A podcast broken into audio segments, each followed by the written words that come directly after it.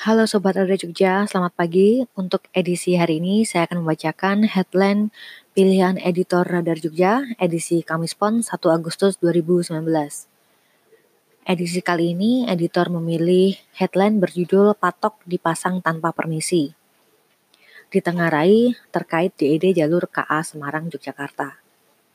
Warga Dusun Senden Sumberadi Melati Sleman resah oleh kehadiran orang tak dikenal selasa siang beberapa orang asing itu datang tanpa permisi untuk memasang patok.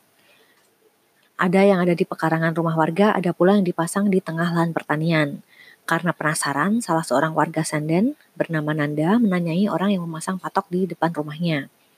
Menurut keterangan Nanda, orang tersebut memasang patok untuk keperluan rel kereta api.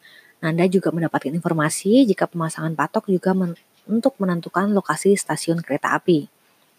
Hanya saja tak satu pun warga Sanden tahu soal pemasangan patok itu, karena tak ada sosialisasi sebelumnya.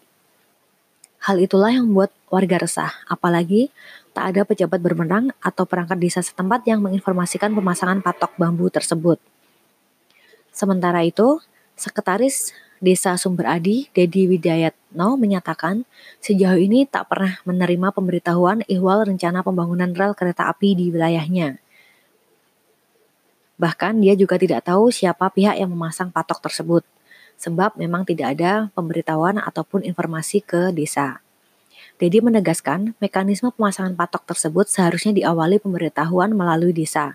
Selanjutnya, perangkat desa lah yang akan menyosialisasikan ke masyarakat, baru kemudian patok ditanam di lokasi yang ditentukan. Demikian headline pilihan editor Koran Radar Jogja edisi Kamis Pon 1 Agustus 2019.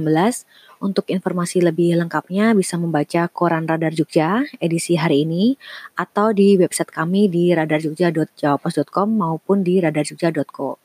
Sekian dulu podcast edisi hari ini. Sampai ketemu di lain kesempatan.